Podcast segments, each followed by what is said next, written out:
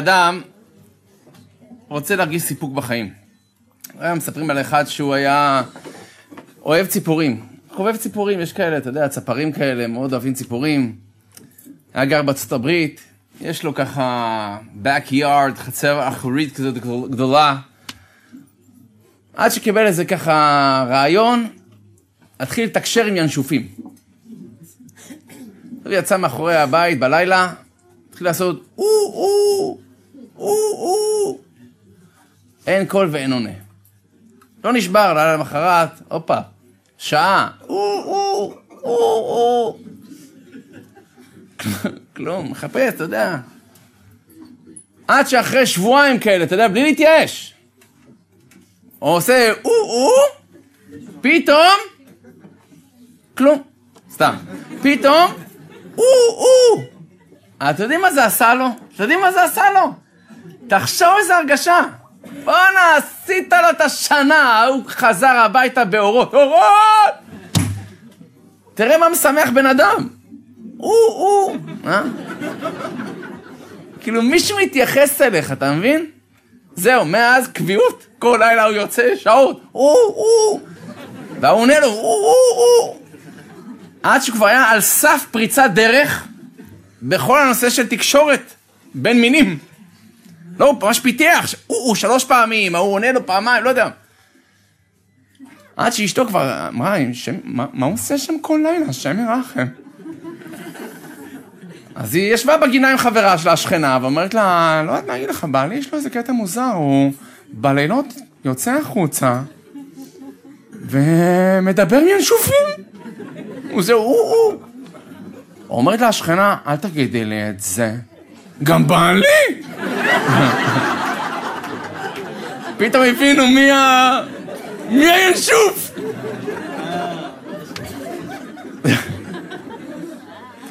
עכשיו תחשוב איזה משבר זה, אה? יאללה, תאמין לי, עזוב אותך איזה עולם. כבר חשב שהוא על סף פריצה, על סף כאילו, יש, יש לי משהו, ינשוף, דבר איתי. אני אומר את זה לעצמנו כיוון שאדם חווה באמת אכזבות בחיים. ובפרשה של, יש פרשה בתורה שנקראת פרשת ויצא. אם תראו פעם ספר תנ"ך, או אפילו תנ"ך סתם שקיבלתם בבר מצווה כזה, אתם תראו שבכל פרשייה, יש, אחרי כמה פסוקים, יש את האות פ' או את האות ס'. עכשיו מה, כאילו, זה כאילו תקוע באמצע, כאילו, פ', ס', מה, מה זה? אלא יש פרשיות פתוחות, יש פרשיות סתומות. חז"ל לימדו אותנו כאשר אלוקים הכתיב למשה רבנו את התורה, הוא לא הכתיב לו את זה ברייס, כאילו, אלא הוא סימן לו איפה תעצור, זה פרשה תעצור, תעצור פה. למה יש פרשה פתוחה, סתומה? על מנת שנוכל להתבונן. שנבין שזה לא סתם רצף של היסטוריה, אלא זה שיעורים, כל אחד בפני עצמו. אחת הפרשיות בתורה שאין לה הפסקות, זה פרשת ויצא. כאשר יעקב בורח מאח שלו, עשיו, אח שלו, מה שנקרא בלשון הרחוב, מחומם עליו, רוצה לרצוח אותו, גנב את הבכורה, קטע לא יפה, אוקיי. אמא שלו אומרת לו, יעקב, אני אוהבת אותך, אבל תברח, ממי, תברח, המצב לא פשוט. בשפה שלנו כמה, אני, אני אומר את זה מראש, כל מה שאני אגיד עכשיו בשיעור, זה הכל יהיה בשפה שלנו, אוקיי? שלא... חס ושלום, אנחנו לא יכולים בכלל מי, מי זה יעקב אבינו, מי זה רבקה, אנחנו אסור לנו בכלל להגיד את השמות שלהם בלי כאילו להשתחרר, אתה מבין? אז אני עוד ככה, אוקיי, אבל אנחנו מבינים כדי להוריד את זה, מה שנקרא, לרמתנו, או לרמתי יותר נכון. אז, אז יעקב אבינו יוצא לדרך, והוא עובר מסכת של תלאות. בדרך אליפז, זה הבן של עשיו, רודף אחריו בשליחות אבא שלו להתנקש בחייו, בא לרצוח אותו, ויעקב מתחנן על חייו, אומר לו, תקשיב, בוא נא, אני, אני, אני דוד שלך, אוקיי? אני דוד שלך! עוד פעם, בשפה שלנו כמובן.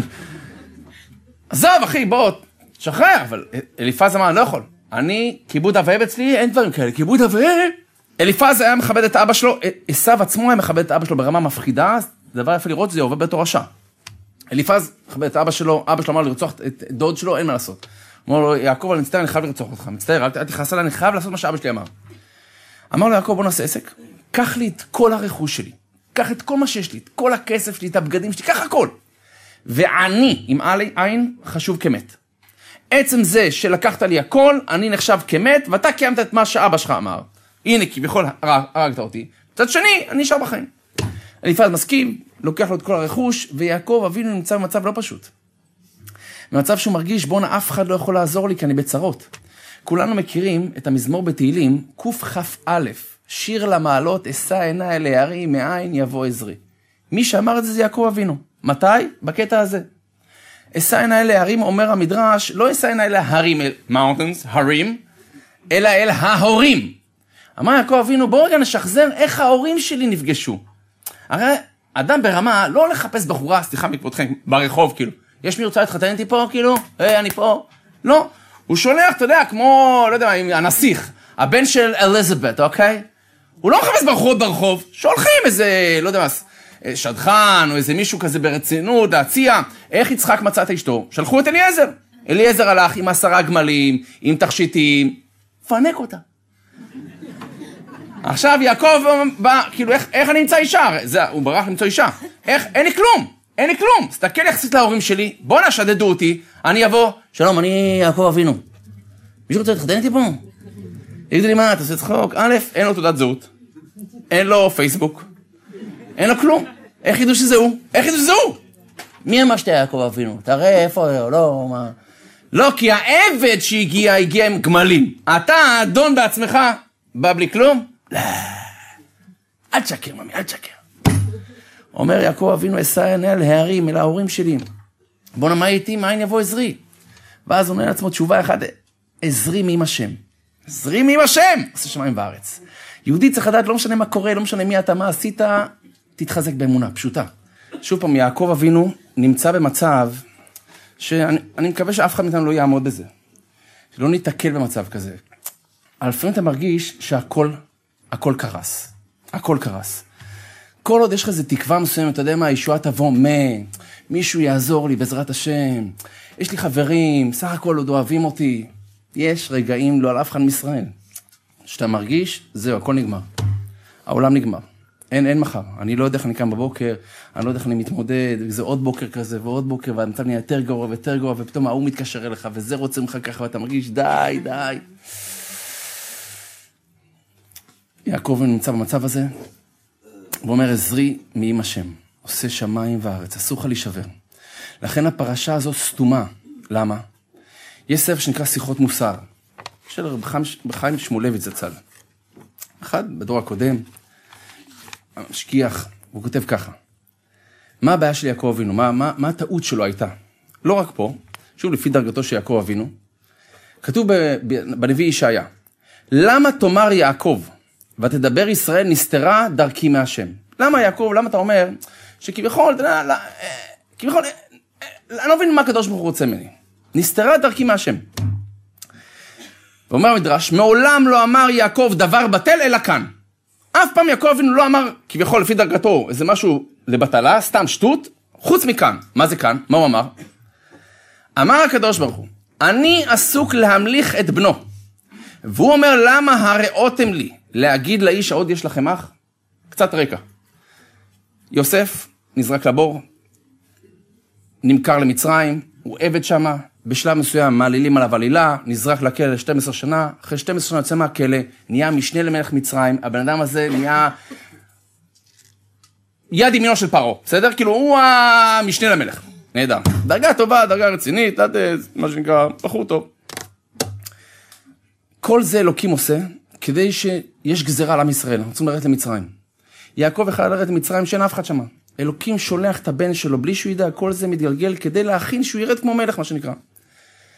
אז האחים גילו ליוסף שיש להם עוד אח בשם בנימין, ועכשיו בגלל זה הם צריכים לרדת למצרים יחד איתו. אז יעקב אמר לבנים, למה הראותם לי? למה עשיתם לי דבר רע? מה אתם מגלים לו? לפי דרגתו של יעקב, על מה? אל תתלונן. אל תתלונן.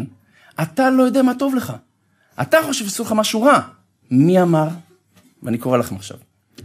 והיינו יעקב אבינו דן את המקרה הפרטי, אשר לפי הנראה היה רעה גדולה עבורו.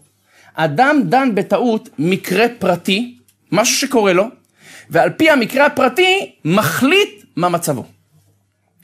אך לעולם אומר, אין לדון את הפרט לבדו, כי בחשבון הכללי נראה כל פרט באור אחר. אתה שיסתכל על החיים שלך בסך הכל, לפעמים אתה תראה שמשהו שהיה נראה ממש טוב, בסוף קלקל לך הרבה מהחיים. לא משנה, זוגיות שהתחילה עם טה טה טה טה טה טה והיית בטוח, זהו, אני בפסגת האברסט, אני הגעתי לשלמות שלי, הגעתי, הגעתי. וכך, פרספקטיבה ארוכה, אחרי שנה, אתה מרגיש, תאמין לי, אבל נפלתי חזק, חזק. נכון? חבל שלא צילמתי אותך, איך היית אברסט, אברסט. לפעמים אדם חוטף סטירה, בגלל הסטירה הזאת הוא התעורר, השתנה, קרה משהו חיובי, אני לא יודע מה, אי אפשר לדעת. הנה, סיפרו לי, היה מקרה לא מזמן, לצערנו הרב, אדם מבוגר חלה באלצהיימר. אה, ונכנס לו איזשהו, אה, איזשהו, כזה קצת איזשהו, לא יודע לקרוא לזה, הוא התחיל לעשות דברים מהרחוב. כל דבר ישן שהוא רואה ברחוב לוקח הביתה. עכשיו, הוא לא מודע לזה, הוא לא עושה את זה בכוונה, הוא לא נהיה עכשיו איזה אספן מקצועי. כל מטאטא ישן לוקח הביתה, זה לוקח הביתה. הוא לא בדיוק, כאילו, לצערנו הרב, מחלה פגעה לו בראש, והוא מביא דברים הביתה. עכשיו, בשלב מסוים הבית מפוצץ, סחורה. וזה, זה, אשתו כבר לא יכולה, לא יכולה. אז כאילו, היא אמרה לילדים, תעזרו לי, מה, מה אני עושה? כאילו, אבא שלכם, אני לא יודעת מה להגיד, אתה לא יכול להסביר לו את זה גם, כאילו, הוא לא לב שהוא עושה את זה אפילו, הוא לא, הוא לא מבין, כאילו, מה אני עושה? מה אני עושה? הם הלכו לאיזה יועץ, מישהו מהעירייה, מהרווחה, והמליץ להם שיתבעו את האבא לדין, על כך שהוא בעצם, כאילו, הוא חייב לדאוג לאשתו לבית נורמלי, תתבעו אותו לדין, ואז הוא יהיה חייב להשכיר לה דירה אחרת, אין בעיה, רוצה לאחסן פה בבית את האוצרות, שיאחסן בבית, אבל תתבעו אותו, ואז הוא יצטרך לשלם להשכרת דירה, הוא לא ירצה לשלם, זה הוא עוד מבין, כסף תשחרר הוא לא ירצה, אז הוא יפסיק עם השטויות שלו. אשתו שמעה את זה, מה לתבוע את בעלי, כאילו מה אתם... לא, לא שייך, מה פתאום, אני לא טובה, אמרנו, זה בשבילך, תביני, הוא לא... את, את, את חייבת לדאוג לעצמך, עם כל הכבוד. והיא אמרה, בשום פנים ואופן, אני לא, לא, לא רוצה שמישהו יתבע את בעלי, ואני לא, אני, אחיה ככה איתו, לא משנה לי, אני לא... ויתרה, ויתרה. הבנים סיפרו שבאותו זמן, לצערנו הרב, לאמא היה לה גידול במקום מאוד בעייתי. והגידול הזה, אחרי שהיא החליטה, התחיל להצטמצם. הרופאים אמרו, לא יודע, לא, לא צריך כימותרפיה, נעצור שנייה, זה מצטמצם מעצמו, הצטמצם, מצטמצם, וברור שעבר לה. עבר לה, הרב אמר, שהם שאלו את הרב איך זה יכול להיות, מה זה הדבר הזה, אמר, אולי היא עשתה מה שנקרא מעל הטבע, היא ויתרה, היא לא הייתה צריכה לוותר לו אולי, לא יודע מה. אתה עושה לפעמים, אתה מקבל איזשהו משהו לא נעים, והמשהו הלא נעים הזה אולי עוזר לך במקום אחר שאתה בכלל לא יודע עליו בכלל, אתה אפילו לא חולם עליו, אי אפשר לדעת שום דבר. בקיצור, אסור לדון את הפרט לבדו, כי בחשבון הכללי נראה כל פרט באור אחר, וכן היה כאן. הכל היה כלול בחשבון הכללי, להמליך את בנו לטובתו ולטובת הכלל. יעקב לא ידע את זה. וכן לפרש, הוא אומר, כוונת הגר"א, הגר"א, הגאון מווילנה, כשהוא רצה לעלות לארץ ישראל, הוא היה חי בווילנה, הוא רצה לעלות לארץ ישראל, והוא כתב מכתב למשפחה שלו, שלא, שלא יישברו. אז הוא כותב באיגרת שלו ככה, למה תבכה מאשר היום תשחק? סליחה, למחר תבכה מאשר היום תשחק. תדע לך, מה שאתה היום שמח, לא משנה מה, אדם רוצה לזכות הרי בלוטו, מה, כל אחד רוצה לזכות בלוטו, באיזה משהו ירושה, משהו טוב כדי, הרי כל אחד מחכה שאראלה תתקשר אליו, לא? זאתי... תשמע כמובן שלא מדבר פה אראלה, יורי לא מבין, לא מבין, נכון? עכשיו, אם נהיה אמיתיים, אז הוא היום צוחק, מבסוט, זכה בלוטו. נסתכל בטווח זמן, יכול להיות שזה הרס לו את החיים. הרס לו את החיים.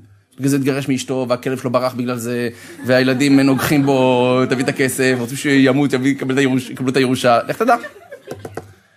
הוא לא יודע את זה, הוא לא יודע את זה. מחר תבכה חס ושלום, מה שאתה היום צוחק. את הדבר ההפך. תצחק על מה שהיום אתה בוכה. מה שנראה לך היום סוף העולם הגיע, אתה עוד תצחק.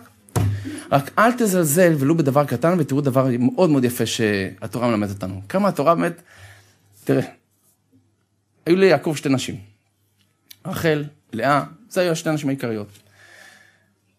שתי נקרות, לא זכו לילדים. אבל, בשלב מסוים שתיהן זוכות לילדים. למה? בשלב מסוים, וירא השם, אומר הפסוק, כי שנואה לאה, ויפתח את רחמה. וירא השם כי שנואה לאה, ויפתח את רחמה. רחל, לאה לא הייתה שנואה חס ושלום בפועל, זה אסור לחיות עם מישהו שאתה, אין, אין כזה דבר שיעקב שנא את, את, את לאה. גם אדם רגיל, נורמלי, אסור לו לשנות, חס ושלום, בטח לא יעקב, אלא, אלא מה? לפי האהבה שלו לרחל, יחסית לרחל היא הייתה פחות. אז הייתה נחשבת כביכול שנואה. הפסוק אומר, אני אקרא את הפסוק. ויאהב גם את רחל מלאה. זאת אומרת, הוא אהב את שניהן, אבל יחסית ל... לרחל, היא הייתה קצת פחות, בסדר. לאה, יחסית לרחל, לכן אמר הפסוק, וירא השם כשנואה לאה. זה לא שהשכנים אמרו. השם יראה לכם מה קורה בבית הזה, תאמין לי. לא, צלחות עפות שם, נגיחות, אני שומע צעקות. לא, וירא השם, רק אלוקים רע, רק אלוקים, הוא יודע מה קורה בלב של כל אחד מאיתנו. וירא השם כשנואה לאה, ויפתח את רחמה. זאת אומרת, עוד פעם אנחנו רואים, דווקא בגלל שהיא הרגישה כאילו, אוף, כאילו קצת פחות, מה שנקרא מקום שני, זכתה, זכתה. והיא זכתה, תבינו את העוצמה, מה היא זכתה? היא זכתה א', לשני בנים שישנו את ההיסטוריה. אחד זה יהודה, כל בית דוד, כל שלמה המלך, כל המלכים, הכל זה ממנה. היא זכתה ללוי, הבן של לוי, כל משה רבנו ואהרון, זה הכל שבט לוי, זה שלה. להבדיל רחל, כביכול לפי, לא זכתה כמעט לכלום. וירא השם כשנואה לאה ויפתח את רחמה. אנחנו לא מחפשים ביזיונות חס ושלום, אבל אם יש לכם ביזיונות, אז לפעמים אתה מחפש מה יצא לך מזה, אתה לא יכול לדעת. אבל בואו תראו משהו שקצת יפחיד אתכם, בסדר? סליחה שאני אומר את זה, אני, אני אומר את זה לעצמי. הרי יעקב התחתן עם שתי נשים, נכון? למה? למה זה קרה שם? מה קרה? הוא רצה את רחל. עבד בשבילה שבע שנים. ככה חז"ל מספרים, הוא בא, פוגש אותה בבאר, קטע מאוד מרגש וזה. פעם כולם נפגשו בבאר, תדעו לכם. כדי לפתוח פאב בבאר, פאב בבאר. אז ילך טוב, שידוכים, עניינים כאלה. פגש אותה בבאר, ובא לאבא שלה, אין בעיה בוא, תעבוד בשביל הבת שלי שבע שנים. עבד שבע שנים! שבע שנים! אחרי שבע שנים. חתונת השנה, יעקב אבינו, עם בחירת ליבו. אתה מודעות בכל אה, ארם נהריים וזה, ארץ כנען, כולם יודעים, וואלה, איזה כן, חייבים לבוא לחתונה הזאת. ואז חתונה מפחידה, למה? כי אבא שלה, לבן, תחמן, זו הסיבה שאנחנו עובדים בשחור, בגלל שעבדנו בלבן שבע שנים, תראה מה קרה. לבן מחליף בין רחל ללאה. יעקב אבינו לא חוש... חשב שיקרה כזה דבר. הוא נותן לרחל סימנים, אללה צדיק איזה מחטף אנחנו... רחל צדקת, מעדיפה לוותר, שאחותה לא תתבזה. באמת, אין לנו השגה מה זה. שאחותה לא תתבזה, היא נותנת לה את הסימנים. ואז ויקום בבוקר, והנה היא לאה. תחשוב איך יעקב אבינו הרגיש, בואנה מה זה? מה, מה זה? עכשיו אם הייתי אני, כביכול, כן? הייתי בא, שורף את החווה של לבן, שורף אותה, בא לרחל, בוא ממי, בואי ממי, בואי הביתה, בואי מי זה אבא שלך, אני אפרק אותו, יעשה לי עוד פעם אחת כזה, שבע שנים אני עומד פה! כלום. שקט, לא מדבר. עכשיו לא תחשוב חס ושלום, כן, יעקב ונהיה כזה, אתה יודע, לא נורא, הכל לטובה. אתה חושב ככה? חס ושלום. יעקב אבינו היה חזק מאוד פיזית. חז"ל אומרים שהוא פגש אותה בבאר, והיה שם אבן על הבאר, ושלושה עדרים, שלושה רועים, לא יכלו להזיז את זה, צריך לחכות לכולם שיזיזו את האבן, ויעקב אבינו מיד אחת הזיז אותה. הוא יכל לכמת את לבן ולקחת את רחל. לא. אבל אז יש קטע שצריך לחזק אותנו, אפילו טיפה להפחיד, אני אומר לכם.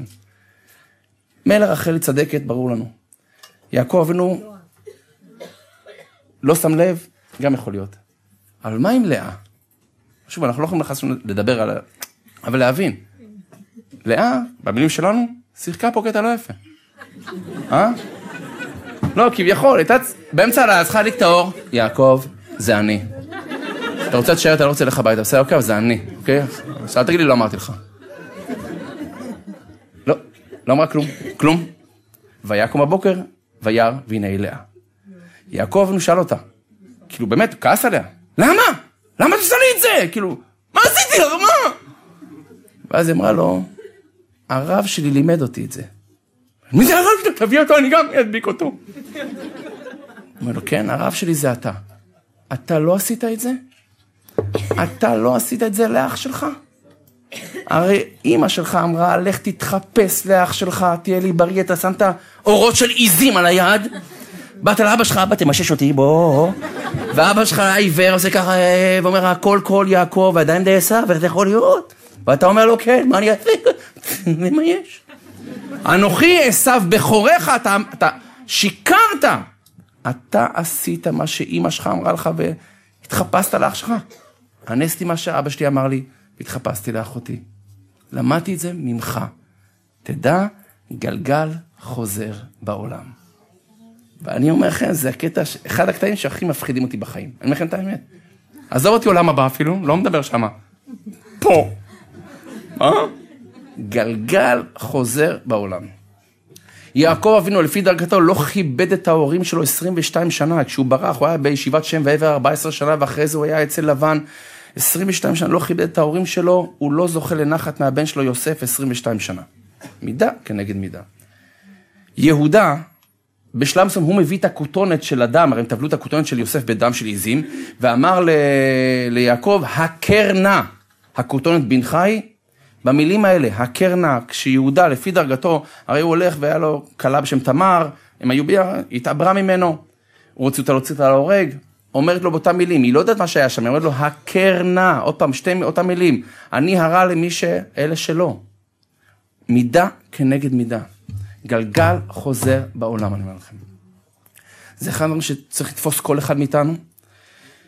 אתה מבין? כי אנחנו רוצים שיהיה לנו טוב, כל אחד מאיתנו. אף אחד לא רוצה צרות, אף אחד לא רוצה שום דבר, אבל אני אומר את זה לעצמי, מה שאתה זורע אתה קוצר בסופו של דבר. אלא אם כן, אנחנו משתנים, בעזרת השם, מבקשים סליחה, קורה, אנחנו בני אדם. אבל תבינו עד כמה אדם לא שם לב לזה. אני אטשטש פרטים שאף אחד לא ידע. ניגש אליי בן אדם, אומר לי, רב, אתה חייב לעזור לי. אמרתי, מה אני יכול לעזור לך? הוא אומר לי, הבת שלי עומדת להתחתן עם בחור, הרב, אני אומר לך, ממש לא שייך לה. לא שייך, הרב. על גופתי תתחתן איתו, על גופתי. הרב, לא בא לחתונה, המשפחה על סף פירוק, הרב, לא רואה אותו בעיניים, הוא תת-רמה לעומתה, תת-רמה, הרב הוא לא בן אדם, לא, לא שייך, הבת שלי כלילת המעלות, ההוא, לא יודע, מה אגיד לך, הרב, לא יודע. אתה חייב לעזור לדבר איתה. חצי שעה הוא מדבר איתי, מנסה לשכנע אותי, כמה הבחור לא מתאים לה.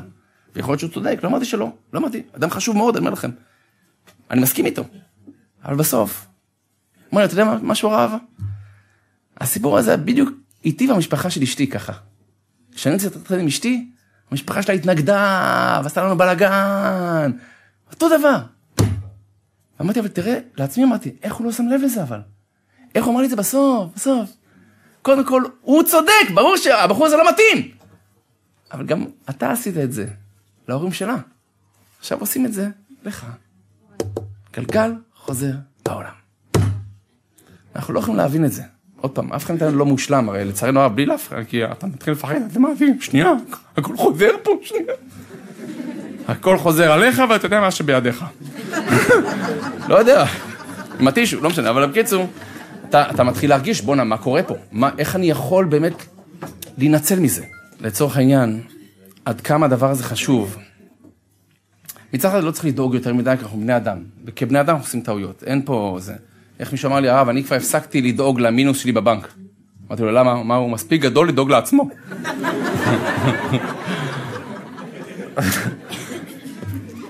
אז לפעמים, אתה יודע, אתה כבר... אה, אתה מרגיש, יאללה, עזוב, אני אבוד, אני אבוד, הרב, אבוד, אבוד.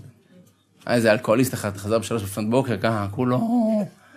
אשתו שואלת אותו, איפה היית? אתה לא מתבייש? איפה היית חסר אחריות אחד? איפה היית? אמרתי, בבית קברות. אמר לו, בית קברות? יואו, מי נפטר? כולם נפטרו שם. אדם לפעמים מרגיש, אתה מבין? כולם, הרב, כולם, עזוב אותך, כולם, כאלה, כולם. ואתה מתייאש מעצמך.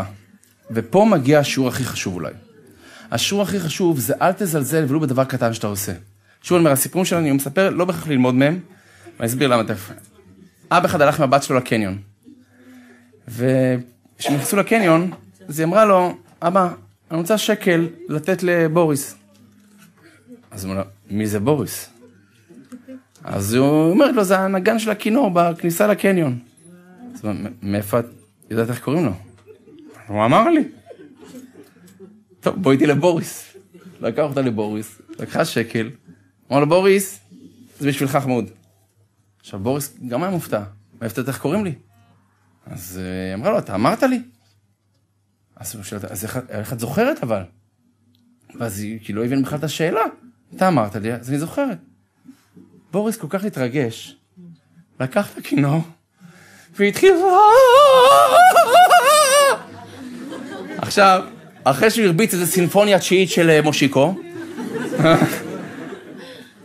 התכופף, לקח את השקל, החזיר לה, אמר לה, את חברה שלי, בשבילך אני מגן בחינם. והמשיך. אז אני אומר פעם, לא ללמוד את הסיפורים האלה, איך תדע, בוריס, השם ירחם, לא יודע, נותן השקל, איך תדע איפה זה נגמר. אבל אה, היפה הוא, היפה, תראה איך הוא התרגש ממשהו קטן. מישהו זכר את השם שלו. מישהו זכר את השם שלו. כמה אנחנו עוברים ליד אנשים, אתה יודע, לא תגיד איזה הומלס ברחוב, אנשים שעובדים איתך, אני אומר את זה לעצמי לפעמים, אנשים שעובדים איתך, אנשים שסביבך, ואתה, אתה יודע, שקוע בדברים שלך, לא אכפת לך כלום, אתה מבין? אתה, אני אומר לעצמי, אנשים לפעמים כאלה אגואיסטים. אתה יודע, כל אחד חושב על עצמו, לפעמים זה מפחיד לראות את זה, אני אומר את זה לעצמי, אני מפחד לעצמי גם. בואנה, אתה בטוח שאתה צודק, אתה בטוח שעושים לך עוול, אתה כזה אחוז, אתה מבין? ובסוף אני אומר לך, אתה רואה שכל אחד חושב על עצמו, גם אפרופו אלכוהוליסט כזה, כן? שכב באיזה פאב, כולו ככה, זרוק לרצפה. אז בכניסה לפאב הוא שוכב, ועברה שם נזירה. אז אמרה לו, אלכוהול, אלכוהול, אבי אבות הטומאה. אז הוא אמר לה, מה את מדברת? מה, את אה, פעם ניסית כזה דבר? אמרת לו, לא, חס ושלום. אמר לה, אז מה את מדברת? אם הייתי מנסה, אולי אה, אני מדברת אחרת. אתה... אמר לו, לא, אני לא יכול לנסות, אני נזירה, אנחנו לא עושות כאלה דברים. הוא אומר, אני אביא לך, אל תדאגי. אמר לו, איך תביא לי? מה, לא יודע. אני אביא לכם כוס תה מהבר, אף אחד לא יש איזה וויסקי. מה טוב, נו, בוא ננסה. הוא נכנס לבר, אפשר וויסקי בכוס תה? הברמן אומר לו, עוד פעם הנזירה הזאתי?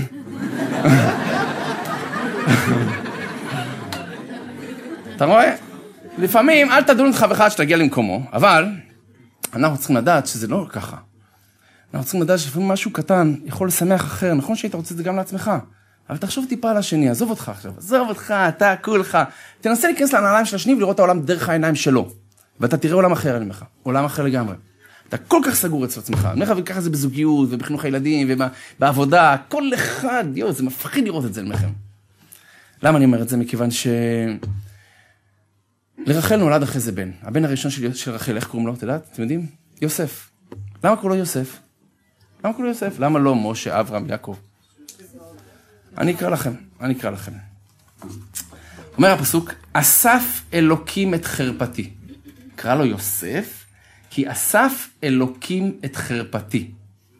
איזה חרפה, מה אסף? אז תקראי לו אסף, למה יוסף? במדרש אומר ככה, כל זמן שאין לאישה בן, אין לה במי לתלות סירחונה. מה הכוונה? נסביר לאט לאט. מי שיש לה בן, תולה בו. אומר מדרש, מי שבר כלי זה? בנך. מי אכל תמרים הללו? בנך. אנחנו נסביר. תאר לך עכשיו, אין ילדים עדיין. ומישהו שבר כלי. הבעל מגיע, מי שבר את זה? מי שבר את זה? אם אין ילדים,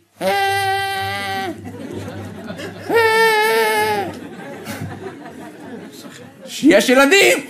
הבן שלך, תאמין לי, משוגע, משוגע, הפרעות קשב וריכוז, אני אומר לך, הוא רץ פה כמו משוגע, לא יכול לשלוט עליו. שהוא ישן. מי אכל את התמרים האלה? בימינו. נגיד, מי אכל את השוקולד שלי? מי אכל את השוקולד? אם אין ילדים, אה, אה, היה עכברים, פרצו לדירה והתחררו על השוקולד.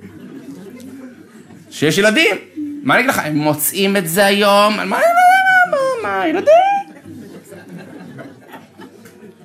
עכשיו אני רוצה, אני רוצה להבין את זה, לא, תבין, רחל אימנו, אין לנו השגה מי זו האישה אז בכלל, רחל אימנו נוסעה ליעקב, נו באמת, אז ברגע שנולד לבן, סוף כל סוף, יש לה את מי להאשים. עכשיו אני הולכת רגועה, עכשיו יש לי את מי להאשים, זהו, אני מסודרת בחיים. תגיד לי, מה, מה הולך כאן? א', הם נשואים כבר שנים, זה יעקב אבינו, אתה יודע מה זה יעקב אבינו? וואו, וואו, וואו, וואו. הוא נשוי כבר, בן, הבן אדם בן מאה, אוקיי? מה עכשיו, אה, מי שבר את הכלי, או ילד קטן? א', זה הם גרו, גרו באוהל בכלל, איך אפשר לשבור כלים שם, אני לא יודע, זה הכל חול, אני לא יודע מה. מי אכל תמרים? ההוא בקטנה? מי אכל את התמרים? בואי, תראי, תראי לשיניים. כתוב עוד כמה תמרים מהעץ. מה? זה מה שהיא, זה, זה, ותבינו, היא הייתה עקרה שנים. עד כדי כך שהיא אמרה לי, יוסף, הבה לי בנים ועם עין מתה אנוכי. מפה לומדים חז"ל ששוב, אדם שאין לו ילדים, למי אמרה את זה? מה אמרתי, יוסף? בדקתי רק שאתם מקשיבים, זה בסדר, אני... אני יודע! זה בדיקת הקשבה כזה קוראים לזה. היא אומרת ליעקב, הבה לי בנים ואם אין מתה אנוכי. זאת אומרת, מפה לומדים חז"ל, אדם שאין לו ילדים, לא לאף ישראל חשוב כמת. כי אמרה, הבה לי בנים ואם אין מתה אנוכי. זאת אומרת, היא הייתה במצב קשה. ביום של הלידה שלו, ביום של הלידה, היא צריכה לקרוא לו, אני לא יודע מה, לא רוצה להגיד שם, חסרו עליי משהו, אבל תקראי לו משהו. יוסף, למה? כי הנה עכשיו אני אוכל... מה זה? זה השם של הבן הראשון שלו, זה הכותרת. אלא יש פה כמה דברים, לפחות שניים חשובים עבורנו. האחד, בדרך כלל אדם מודה על דברים גדולים. תמיד, לא יודע מה, ניצח, הצליח, זכה, אה, לירוש... לא יודע, דברים גדולים, מודה יהיו אלוקים, תודה, אני אוהב אותך, אין בעיה. רחל רצתה להראות לנו, תודה גם על הדברים הכי הכי קטנים שבעולם אפילו. בשבילך, אל תיקח שום דבר קטן גם כמובן מאליו. אתה תהיה יותר מאושר. שאתה תראה כמה חסד, כמה חסד, חסד מציב, מציב אותך ברוך השם. בסדר, נכון, אז קצת קשה לך פה, תגיד תודה שאתה רואה. מה אתה צריך לעשות שיקחו לך את הראייה, ואז תודה. הנה, אני אומר אני באתי יום אחד הביתה מהרצאה, באתי עייף, רעב. לא מצאתי כלום. אני, מה? אמרתי, אין מה לעשות? אם אין לי, אני חייב לעשות לעצמי אוכל. עשיתי לעצמי סלט, סלט. אני בא לעשות סלט, מחפש ירקות, נתתי ירקות כמובן, ואז מצאתי פלפל חריף כזה. אני אומר לכם, לא ראיתי פלפל חריף בבית שלי הרבה שנים. אנחנו אשכנזים כאלה, לא בקטעים של החריפים. אנחנו יותר אה, גפילטה פיש, גזר על הראש, דברים כאלה. תקשיב, ראיתי פלפל, אני, אני אוהב חריף, אני אוהב חריף, אני אומר לך. אמרתי, בואנה, אשתי שמחה אותי, אני לא מאמין, מאיפה הגיע החריף הזה? מרוב ההתלהבות, תפסתי אותו בשתי ידיים, חיבקתי אותו עוד רגע. אבל נגעתי בו, וזה אני לא זכרתי. חתכתי, אז אני חותך כמו, אתה יודע, מלפפונים, אותו דבר, חתכתי, הכל ביחד, באתי לאכול. נפל לי חתיכת פלפל על ההתחלה. עכשיו, כשאתה אוכל משהו חריף, לוקחות כמה שניות עד שאתה קולט מה אכלת. ואני מרביט, הבא, הבא, הייתי רעב, הבא, הבא, הבא. פתאום, צבע אדום, בואנה, נהייתי אדום, יצא לי עשן מהאוזניים, להבות מהעיניים, כמו שור. אמרתי, יואו, יואו, יואו, מה אני עושה? אמרתי, אני, חייב משהו לשתות. התחלתי לחפש איפה לשתות, עכשיו אני לא רואה, אז עשיתי ככה. תקשיבו, יש לי בקשה אליכם. אם נגעתם בפלפל חריף, בחיים, בחיים, אל תיגעו בעיניים. אתם איזה הרגשה מפחידה זאתי? יואו, זה שורף. שאתה לא יכול לפתוח את העיניים, אתה כאילו פותח, אה, אה. עכשיו כולם ישנים, ואני כאילו, אשתי, אשתי. אני אומר לך, באותו רגע פחדתי חס ושלום, אני לא... לא יודע, לך תדע מה יהיה, מה יהיה? אני רוצה לראות! אני רוצה לראות! אני שוטף את המים, לא, לא עוזר, אני... אה, אה! יואו, יואו, יואו. ואני אומר לך, איזה רבע שעה ככה, אני בהלם, בהלם. ואז אני יושב ככה, ואני מתחיל לחשוב, כאילו, אה, מה אני אעשה עכשיו ככה, אם אני אראה ככה, וזה, איך אני אתן הרצאות ככה, וזה, מה... אני מתחיל לחשוב קדימה, ישר קדימה, תכלס, מה עושים? ואז, כנראה אשתי שמעה אותי, והיא הגיעה, ואני עושה ככה.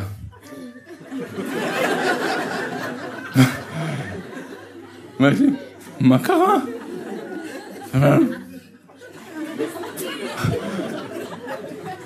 את אשמה. אתה מבין? לא משנה, כאילו זה היה קטע חזק, באמת, אני אחרי זה נהניתי לראות כל דבר, והלכתי ככה, ואני רואה, יש, אני רואה, הנה, בואו, אנשים, אני רואה, אה. נו, מה אתה רוצה חסו שיקרה לך משהו, תמיד, ואז תגיד תודה לראייה? תגיד תודה. אתה רואה, ברוך השם, לא שורף לך שום דבר, תגיד תודה, תגיד תודה. אתה יכול לאכול פלפל חריף בלי... תגיד תודה. אני אומר את זה לעצמנו, מכיוון שאדם באמת, דווקא דברים גרנדיוזיים וזה, אז הוא נפטר בבני ברק יהודי בשם הרב ישראל קליין. זיכרונו לברכה, הוא היה ניצול שואה. זאת אומרת, אני, אני מאוד מאוד, באמת, אני מאוד מעריך אנשים, כל מי שעבר, כל המבוגרים, אני, אני באמת עפר לרגליהם. זה, זה, אתה רואה אנשים, הם עברו בחיים, איזה מפחיד זה, הם עברו, לא קצת, יש לי איזה משבר וזה, אני קצת עובר איזה דיכאון. אה? אתה רואה אנשים, באמת, השם יראה. לא מזלזל בדיכאונות של היום, חס ושלום, אני לא מזלזל, אבל אני רק אומר ש... אז נפתח כזה אדם ניצול שואה בשם ישראל, הרב ישראל קליין, זיכרונו לברכה. ופעם שאלו אותו, תתמצת את השואה, תן לנו סיפור אחד שלך. סיפור אחד שאתה יכול ככה, שמאפיין. אמר, הייתי במחנה עבודה. קרוב לאושוויץ, מחנה עבודה מאוד קשה. הוא אומר, יום אחד אני מסתובב במחנה עבודה, ואני רואה ליד פח אשפה יהודי אחר. כולו רזה, אתה יודע, בטן נפוחה, מראה לא, לא פשוט, לא פשוט. ריחמתי עליו, הוא מחטט בפח, מחטט בפח. אז ניגשתי אליו, אומר, ושאלתי אותו, מה אני יכול uh, לעזור לך? אז אמר, אני מחפש קצת לאכול, צום אסן, הוא ביידיש, אני רוצה משהו לאכול, משהו לאכול. כשאתה הוא מחטט בפח, זה פח של מחנה עבודה. זאת אומרת, גם האוכל היה לא אוכל. אז בפח אין כלום. אתה יודע, מחטט משהו. הוא מאוד כאב לי עליו, מאוד כאב לי עליו. לא שהייתי במצב יותר טוב ממנו, אבל מאוד כאבתי עליו, כאב לי עליו. אז הוא אמר לו, אני, אין לי אוכל לתת לך, אין לי אוכל לתת לך. אבל יש לי משהו אחד שאני כן יכול לתת לך, יש לי הרבה מזה. אמר, אני יכול לתת לך את האהבה שלי. אני רוצה להגיד לך שאני אוהב אותך. אתה יהודי, וגם אני יהודי, ואני אוהב אותך, ואני באמת אוהב אותך. הוא חיבק אותו, הוא נשק אותו, אני באמת אוהב אותך, ואתה יהודי צדיק, וגם אני יהודי, אנחנו נעבור את זה, הוא חיבק אותו, ונשק אותו, ונשק אותו, והם שניהם התחילו לבכות, לבכות. אנחנו יהודים, אנחנו נחזיק מעמד, הוא חיבק אותו. הוא אומר, המצב הזה, מאז נקשרנו, כבר היינו רואים אחד את השני פה בעבודה, ושנינו שרדנו את המלחמה. שנינו ניצלנו. שנינו הגענו לארץ, והקמנו משפחות ודורות. והוא אמר לי תמיד, תדע לך, אתה הצלת את החיים שלי, אתה הצלת את החיים שלי. ותקשיבו, לא נתתי לו כלום. כלום, חוץ מחיבור. אמרתי לו שאני אוהב אותו. מה, לא מכיר אותו בכלל. סתם, הרגשה של, תבין, אתה, לא לבד. תחשבו איזה הרגשה הזאת, באמת, אדם חס ושלום, אני אומר את זה לעצמי, סתם, אני איזה אפס כזה, אבל הרבה פעמים אנשים באים אליי ומספרים את הצרות שלהם, באמת אני אומר לכם, כאילו אני כמו כותל מערבי, נייד מדי פעם זז. לא, לפעמים אתה מרגיש, לא, אתה לא יכול לעזור לבן אדם, באמת, אתה לא יכול לעזור לבן אדם, זה לא, טוב, אז בוא, מה אתה יכול לעזור לו? חשבתי לסיפור הזה, לא עכשיו אני אתחיל לחבק אנשים, אבל זה באמת כזה יפה, נכון? אם מישהו היה מחבק אותך, ונותן לך סתם, אני איתך, אני איתך, אני אוהב אותך, אני אוהב אותך, יהיה בסדר. מילה טובה לפעמים, מבין? המילה הטובה הזאתי, אז לא צריך רחוק, או לחבק אנשים ברחוב, או לחפש אנשים בפחים ולחבק אותם. אתה יכול גם, לא אמרתי שלא, תעשה מה שאתה רוצה. אבל אל תזלזל ולא בדבר קטן, לא משנה כמה שנים עברו. אם רחל קראה לבן שלה יוסף, כי היא הבינה שנכון, גם משהו כזה קטן, כי משהו כזה קטן אפילו גם יכול לפגוע בשלום בית שלנו. שלום בית זה משהו מושלם צריך להיות. ששום דבר לא יהרוס, שום דבר לא יסדוק את זה. אפילו משהו קטן, אפילו שיעקב יכול לחשוד, ש, ש, זה גם יכול לפגום משהו קטן. אותו דבר כאשר המלאכים מגיעים לאברהם אבינו, שלושה מלאכים מגיעים, אברהם אבינו ניגש אליהם, שלום שלום וכן הלאה, מה בוא תאכלו, לשונות בחרדל. והם שואלים אותו, איה שרה אשתך? אז א', הוא היה צריך לשאול אותם, מה אתם שומעים על אשתי? א', איפה אתם שומעים על האיש? שרה בכלל. סליחה? אתה מחברים שלה בפייסבוק? מאיפה? כלום. אז הוא אומר היא באוהל. רש"י אומר שם, למה הם שאלו את זה? למה הם שאלו? כדי לחבבה על בעלה, שהיא צנועה, שהיא צנועה. עכשיו, באותו זמן שרה הייתה בת 90, אברהם בן 100. מה לחבבה על בעלה בדיוק עכשיו? די, די, תביא, כאילו, די. הרבה מים נזרמו בנהר מאז, חבר'ה, מה עכשיו לחבבה? על מי לחבבה? לא, לא נכון, לא נכון. לא משנה מה הגיל, לא משנה משהו, משהו קטן. סתם משהו, מילה טובה על הבעל, מילה טובה על האישה, משהו קטן. עד שבורא עולם אפילו, כשהרי מבשרים לשרה שהיא בהיריון, אז היא צוחקת, אבל אברהם אבינו, היא אומרת, מה, ואדוני זקן, מה, איך יכול להיות, אדוני זקן.